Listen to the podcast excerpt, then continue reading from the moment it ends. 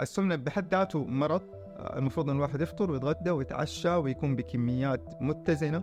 لو الواحد مارس 150 دقيقة في الأسبوع بتقلل لنا نسبة الأمراض ب- بنسب مهولة.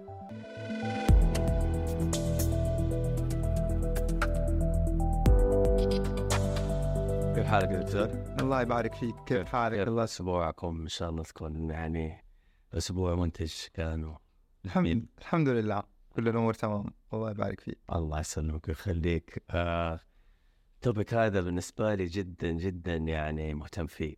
هو يعني أشخاص كثر بيعانوا من مشكلة السمنة في في حياتهم اليومية. بعضهم ما هم شايفينها معاناة. بعضهم ما يبغوا يسووا شيء. بعضهم ما هم عارفين اضرارها ف حندخل في كل التفاصيل هذه وايش الحلول النفسية والحلول الجراحية والحلول ال- الوقائية كمان. فبالنسبة للسمنة في المملكة كيف شايف أنت وضع السمنة في المملكة يا دكتور؟ آه طبعا آه مو- موضوع السمنة في المملكة موضوع منتشر. آه عندنا تقريبا بناء على آخر إحصائيات موجودة في السعودية إنه نسبة السمنة في نسبة زيادة الوزن في السعودية تقريبا توصل إلى 60% في السعوديين. طبعا أعلى منطقة في الموضوع هذا منطقة الرياض وبعدها الشرقية وبعدها تيجي منطقة مكة آه بناء على آخر إحصائية موجودة آه، نشرتها وزارة الصحة إيش السبب؟ ليش النسبة في الرياض أعلى؟ آه نجي بشكل عام السمنة ليش ليش هي أصلا آه منتشرة في عالمنا ال- ال- أو في في في وطننا في السعودية في في الخليج بشكل عام آه طبعا بترجع ل- لأكثر من سبب آه أول حاجة نقص مثلا الرياضة وال activity ال physical activity آه اللي بيمارسها طبيعة المجتمع. بشكل عام إحنا عندنا نقص في في موضوع الرياضة وممارسة الرياضة. تاني حاجة اللي هو النظام الغذائي الخاطئ اللي بي بيمارسه آه، ال- المجتمع بشكل عام.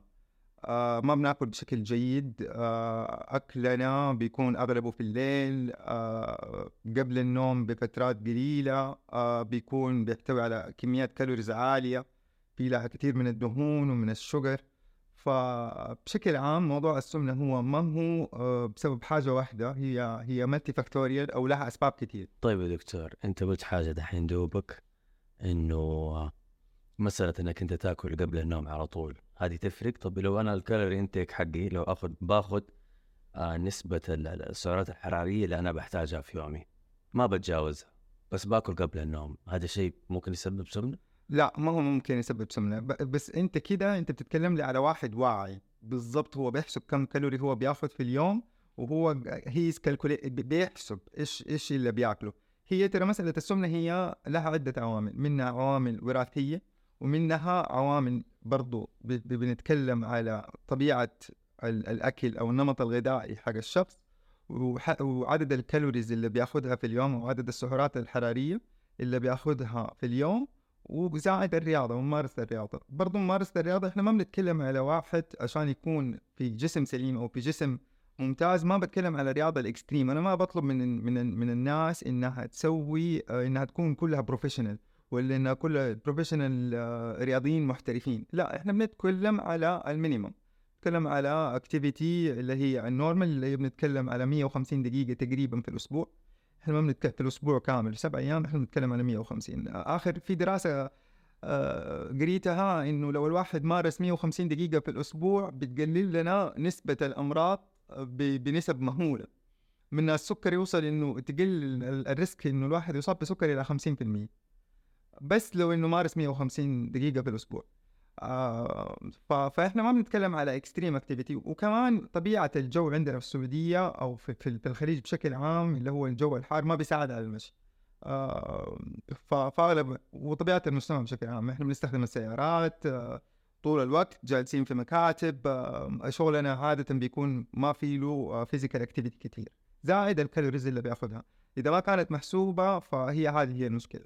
حتى لو سوينا عملية أو أو أو أو عالجنا موضوع السمنة ب ب بأي طريقة كانت. لو البني آدم اللي قدامنا أو الشخص ما كان واعي بالكالوري ونسبة السعرات الحرارية اللي هو بيأخذها فما حلينا حاجة. إحنا صح هننزله من مثلا 150 كيلو إلى 60 كيلو حيعيش بال 60 70 كيلو دي لمدة سنتين ثلاثة ولكن لو ما أستوعب إنه إنه لازم ينتبه على الكالوري حقه حيرجع يتخن شوي شوي. أنا شفت الظاهره هذه عند كثير من الأشخاص اللي بيقوموا بعملية التكميم. تلاقيه في- آه، الأول خسر وزن مرة كبير وبعدها سنه سنتين رجع لعاداته القديمة وزاد وزنه من جديد. فايش دور ال- ال- ال lifestyle أو أسلوب الحياة وتغييره؟ آه وأهميته بعد عملية التكميم. ممتاز. هذا أهم شيء أنا أركزه مع المرضى صراحة قبل إجراء أي عملية. قبل أي عملية دائما بقول للمرضى الهدف عندنا مش إنه طبعا الهدف ان ننزل ننزل من الع- بالعملية هذه أو بإجراء جراحي أو غير جراحي ان نوصل إلى معدل كتلة جسم طبيعي. أو نوصل إلى نخسر الوزن الزائد. ولكن الهدف مش بس إنه إنه نخسر الوزن الزائد الأهم من ده كله الاستمرارية في الموضوع. آه، إيش الفائده إنه أنا أسوي عملية وأدخل وأعرض نفسي لتخدير وأسوي عملية و... وأخرج وبعد سنتين ارجع وزني يبدأ يطلع ثاني ونرجع زي ما كنا. ف... فالهدف دائما بتكلم عن المرضى الموضوع موضوع السمنة موضوع هنا. لازم نفكر في ال calories اللي بناخذها لازم نحسبها آه بقول لهم إنه لازم يكون الميزان ده صاحبنا بعد بعد العملية. بعد ما نوصل للوزن اللي نبغاه نخلي الميزان معنا لما نطلع كيلو 2 كيلو في الأسبوع سهل ننزلها. لكن لما نطلع 12 15 كيلو يصير الموضوع يبغى له diet ويبغى له رياضة زيادة ويبغى له activity زيادة. فللأسف بشوف كثير بيجوني في العيادة اللي هو بيرجع وزنهم آه بيتخنوا 20 و30 كيلو بعد عمليات السمنة. طيب هذه ظاهر ليش مو أثناء ما المريض يعني حتى قبل العملية يكون في تأهيل إنه يتكلم مع- مع المريض يمكن يشوف دكتور نفسي أو شيء على أساس إنه ما بعد العملية يكون جاهز آه للتغيير نمط الحياة أو شيء زي كذا. لأنه من جد هو سهل إنك أنت تخش وتسوي عملية وتطلع تنحف. يعني صحيح. في النهاية أصلا أعتقد إنه العملية بتكون يعني بتسد الشهية يعني. صحيح.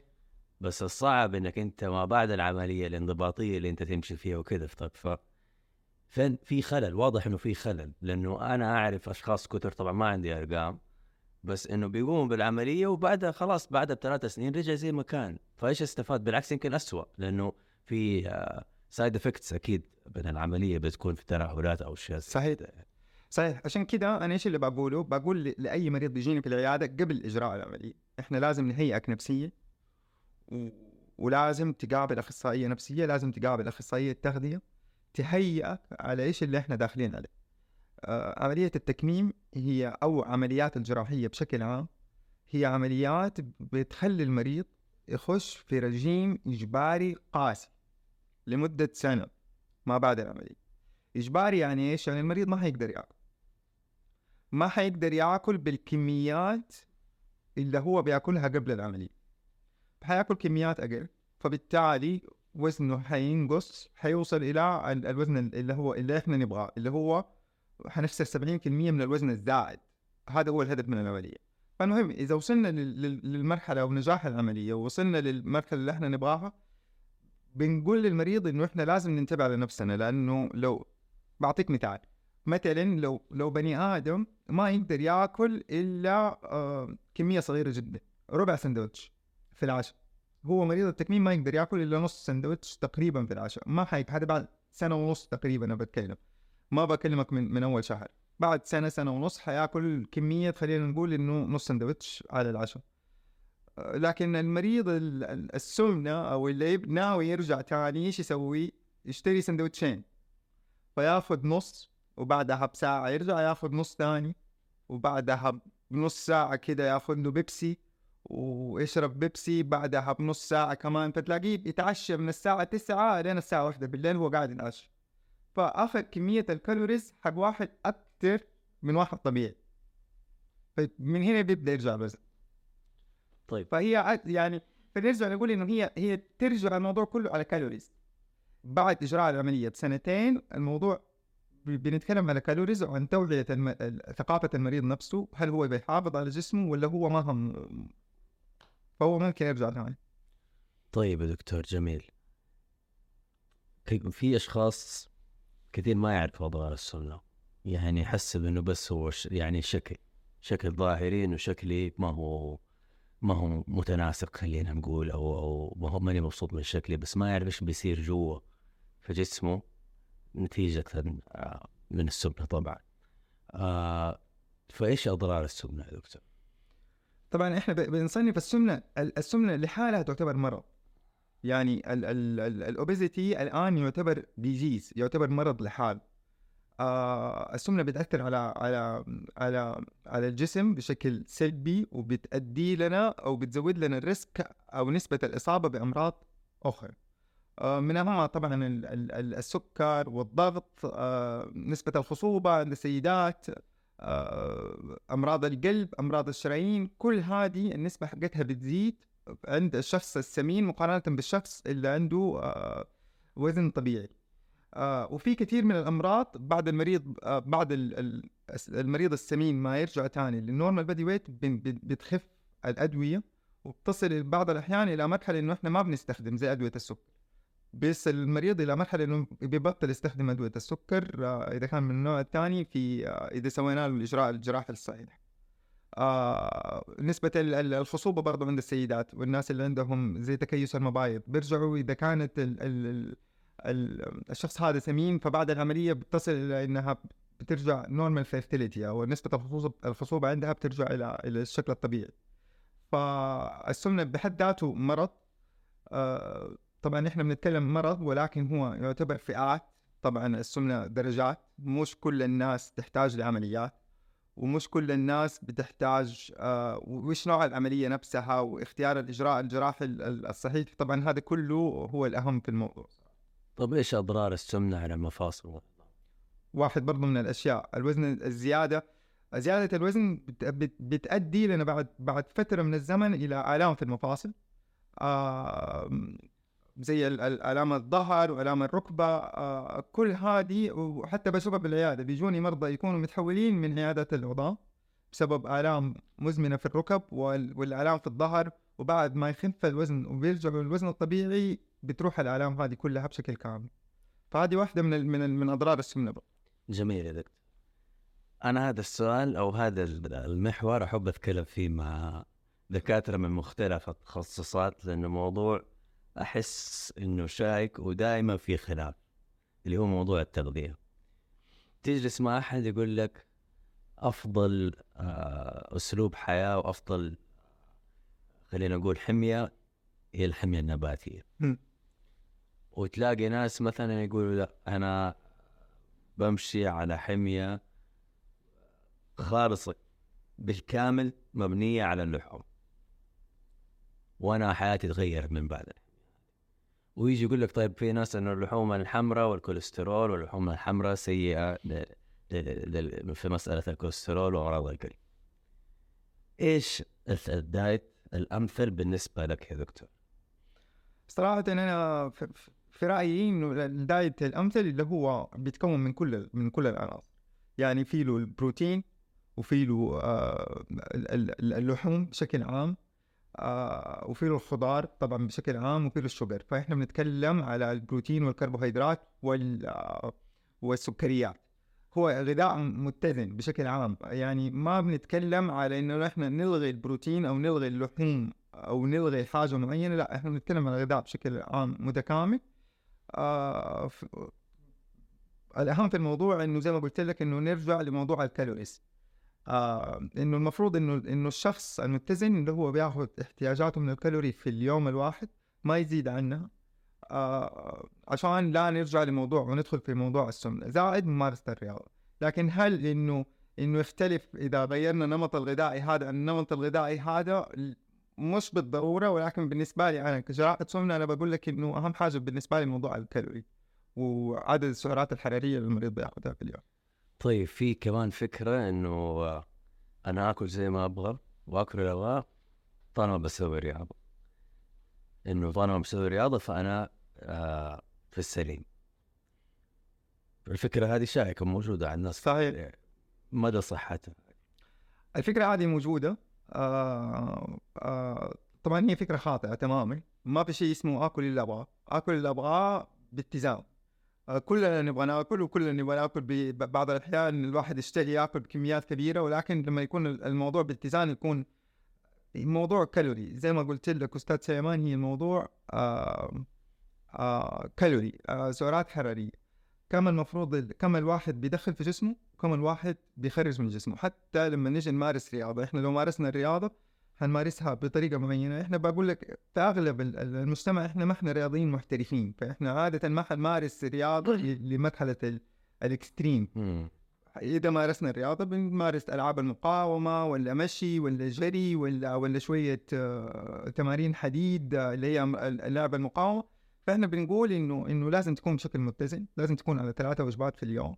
ما تكون كلها في وجبه واحدة لأنه لو لو جينا لأغلب الناس اللي بشوفهم برضو بيقول لي أنا دكتور ما بفطر ما بتغدى باكل واحدة وجبة في اليوم بعد ما أخلص دوامي برجع البيت على الساعة ستة سبعة بآكل وجبة كبيرة جدا آه وبعدها بروح على الساعة تسعة أروح أتمرن شوية في النادي وخلاص كذا أنا بعتبر إنه لا هي ممكن آه المفروض إن الواحد يفطر ويتغدى ويتعشى ويكون بكميات متزنة وإحنا ما بنقول للناس آه، إنه إنه الواحد المفروض إنه إنه يأكل بكميات قليلة ولا إنه المفروض إنه ما يشبع ولا إنه المفروض ما يغش ترى عادي إنه الواحد بيأكل شوجر ولا يأكل حلا ولكن إنه إنه بشكل عام يكون بشكل متزن.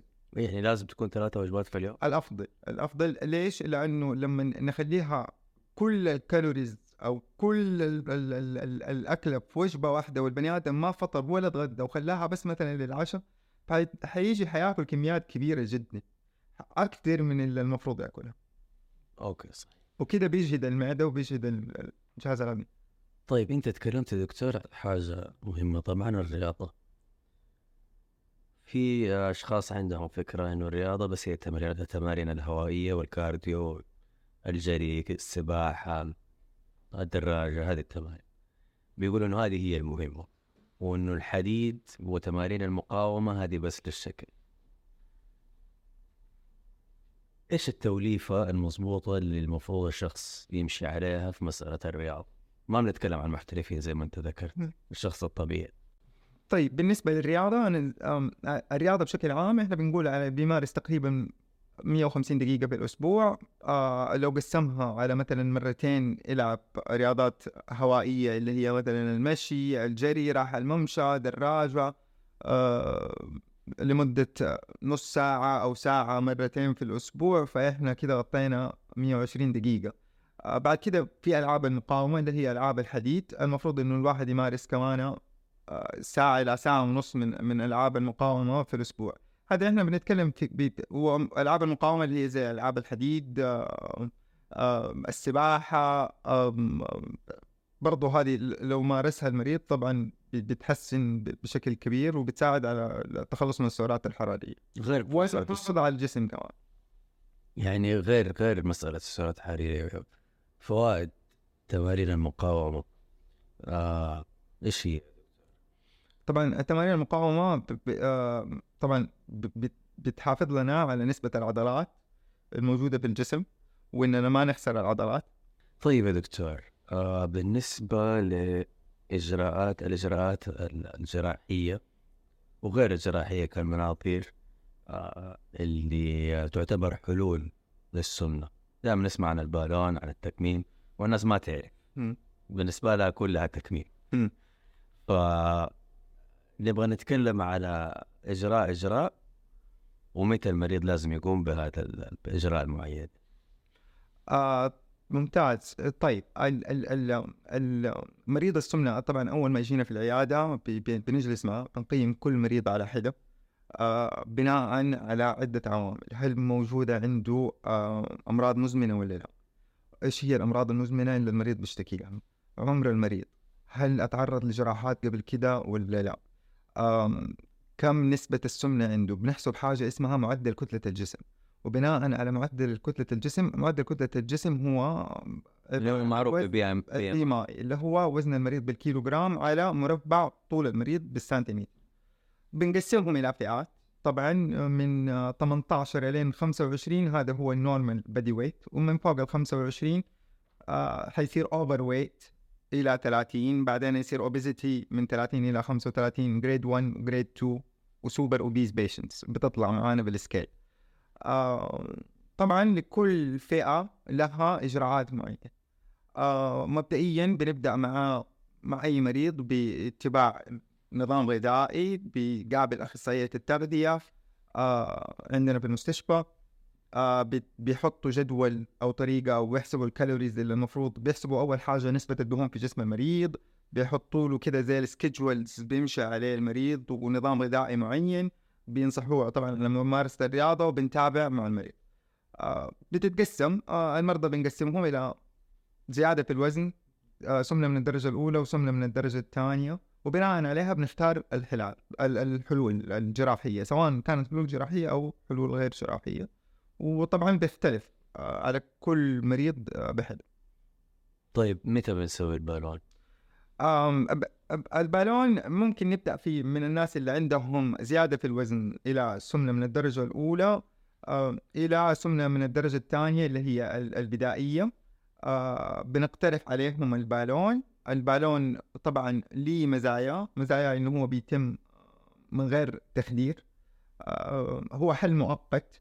إذا كان المريض طبعا آه، بعد التقييم شفنا إنه هو قابل للنزول في الوزن وما هو محتاج إنه ينزل أوزان كبيرة محتاج فقط مثلا 12 كيلو 10 كيلو بينزلها roughly كده إحنا بنتكلم بشكل جنرال محتاج ينزل 10 كيلو من 8 إلى 10 كيلو فبننصحه بال balloon.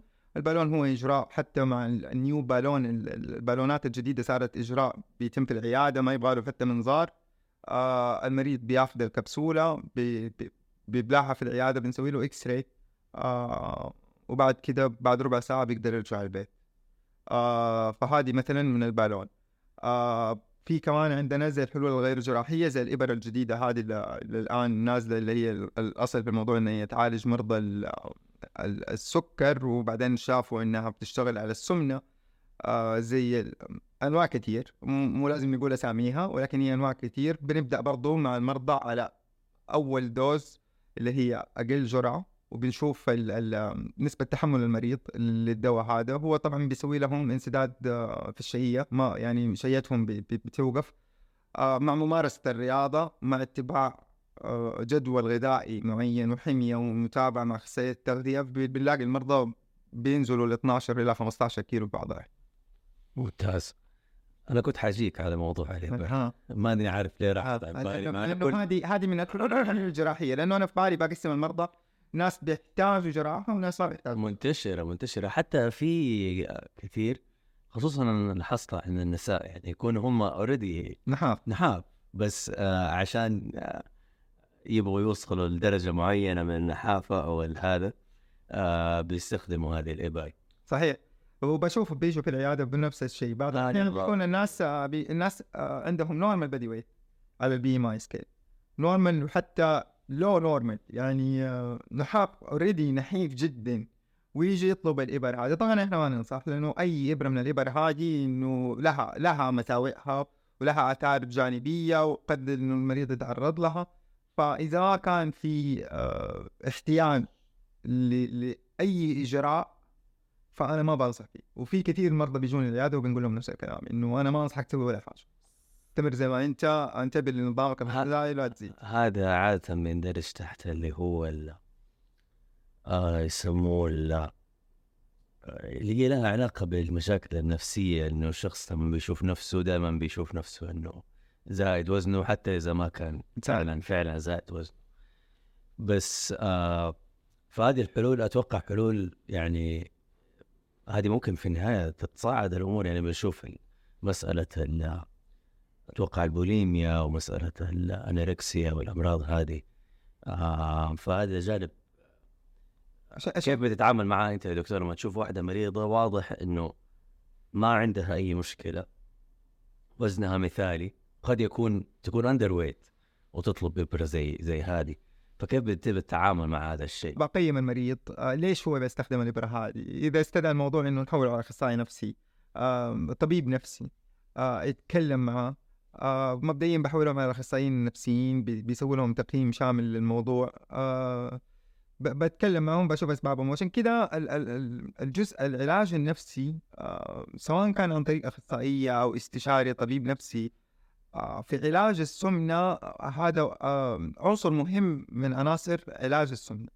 آه، لأنه كثير مرضى آه، بيخشوا كمان في إذا سوينا لهم رجيم إجباري أو سوينا لهم عمليات تكميم بيجي لهم depression بعد العملية. وهذه واحدة من من مساوئ العمليات لأنه أنت بتيجي الواحد آه، هو متعته في الحياة الأكل أو واحدة من متعه في الحياة الأكل. هو obese آه، وهو بياكل أكثر من الناس الباقيين. فأنت جيت في يوم وليلة وقفلت له الموضوع هذا وتقول له ما تشرب إلا سوائل لمدة أسبوع وبعدين تاخذ آه، سوائل ثقيلة وبعدين نبدأ في أشياء مهروسة و... ويجي يشرب الموية يلاقي الموضوع دفك شوية صعب في حتى شرب الموية آه، شوية صعب بعد العمليات. عشان كده أنا أعتبر آم، آه، فبيخشوا في ديبريشن وبيخشوا في في اكتئاب. فعشان كده الأخصائي النفسي لازم يقيم الحالة ولازم يعطينا الضوء الأخضر إنه نسوي العملية. لو سوينا العملية من غير الضوء الأخضر حق الأخصائي النفسي فإحنا غلطنا كجراحين. المفروض إنه هو يقول لي إنه هذا ال- ال- الشخص طبيعي ما يعاني من أي مشاكل نفسية وهو حاول يسوي رجيم مرة واثنين ولكن فشلت أو إنه سواها ونزل وزنه لكن بيرجع تاني بعد ال... فما عنده أي مشكلة أو ما عنده أي خلل أو ما بيمر بفترة صعبة في حياته أو ما ما, ما يكون عشان كذا أنا أعتبر إنه العلاج النفسي جزء مهم من السمنة ومن علاج السمنة طيب يا دكتور ومتى يلجأ المريض للتكميم؟ المريض يلجأ للتكميم آه، جراح طبيا بنقول إذا كان معدل كتلة جسمه أكثر من 35 يعني سمنة من الدرجة الثانية آم، زائد في عنده أمراض مزمنة زي السكر أو الضغط أو آلام في المفاصل أو اختناق أثناء النوم أو هذه واحدة من المشاكل أو آلام في المفاصل زي ما قلنا أو إذا كان معدل كتلة جسمه فوق الأربعين من غير أو اللي هي تسمى سمنة مفرط من غير وجود أمراض آه، مزمنه فهذول الاثنين هم الناس اللي هم المؤهلين للعمل الحلول الجراحية بشكل عام. سواء كانت تكميم سواء كان تكميم بطريقة آه، نسن أو سواء كانت تغيير مسار هذه بن- بنختارها على كل مريض على حده بناء على حال طيب ممتاز. جميل يا دكتور. طب في مسألة جدا مهمة اللي هي ما بعد العملية. بعد العملية عادة بيكون في ترهلات آه أحيانا أشخاص أعرفهم بينصدموا من شكل أجسامهم آه بعد خسارة آه وزن وزن. ف إيش بيصير بعد العملية أو بعد مخ... بي... أو بعد ما المريض بيخسر جزء كبير من وزنه؟ تمام. آه ممتاز. آه طبعا أنا برضو بهيئ المريض قبل العملية للموضوع ده. خلاص أول ما نقرر أنا والمريض إنه إحنا حنتجه لحلول جراحية حنروح لغرفه العمليات آه، أتكلم معاه عن العملية وإيش الإجراء وإيش المتوقع مما بعد العملية. طبعا آه، بعد العملية على حسب كيف كان المريض قبل العملية. قبل العملية لو بنتكلم عن المرضى اللي عندهم وزن عالي جدا واحد وزنه فوق ال 150 160 كيلو آه، وصار وزنه 70 كيلو خلال سنتين فهو خسر 90 تم- آه، 90 100 كيلو في سنتين فهذول هذول الناس حيكون عندهم ترهل مهما سوينا حيكون في ترهلات بعض الأحيان بنحتاج جراحة التجميل معانا بعد العملية بسنتين. آه، لكن هذول نسبة ترى نسبتهم في في المجتمع ما هم الأعلى أو من نسبة المرضى اللي بنسويهم. النسبة الأعلى اللي هو عندهم معدل كتلة الجسم عالي ولكن ما بيخسر 100 كيلو 70 كيلو بيخسروا في حدود ال 30 وال 40 إحنا هنا بنتكلم في فئة ممكن إننا ما نسوي عملية ما نسوي أي حاجة للترهل بنحلها عن طريق ممارسة الرياضة. بنبدأ في الرياضة طبعا بعد عملية التكميم بشهر بنصح المرضى إنهم يمارسوا خلاص نبدأ نمارس أنواع الرياضة خصوصا ال- الرياضيات اللي ما في لها ألعاب مقاومة. لمدة بعد شهر بنبدأ خلاص نمشي ونروح على المسبح ونروح على الجيم ونتحرك ونجري و...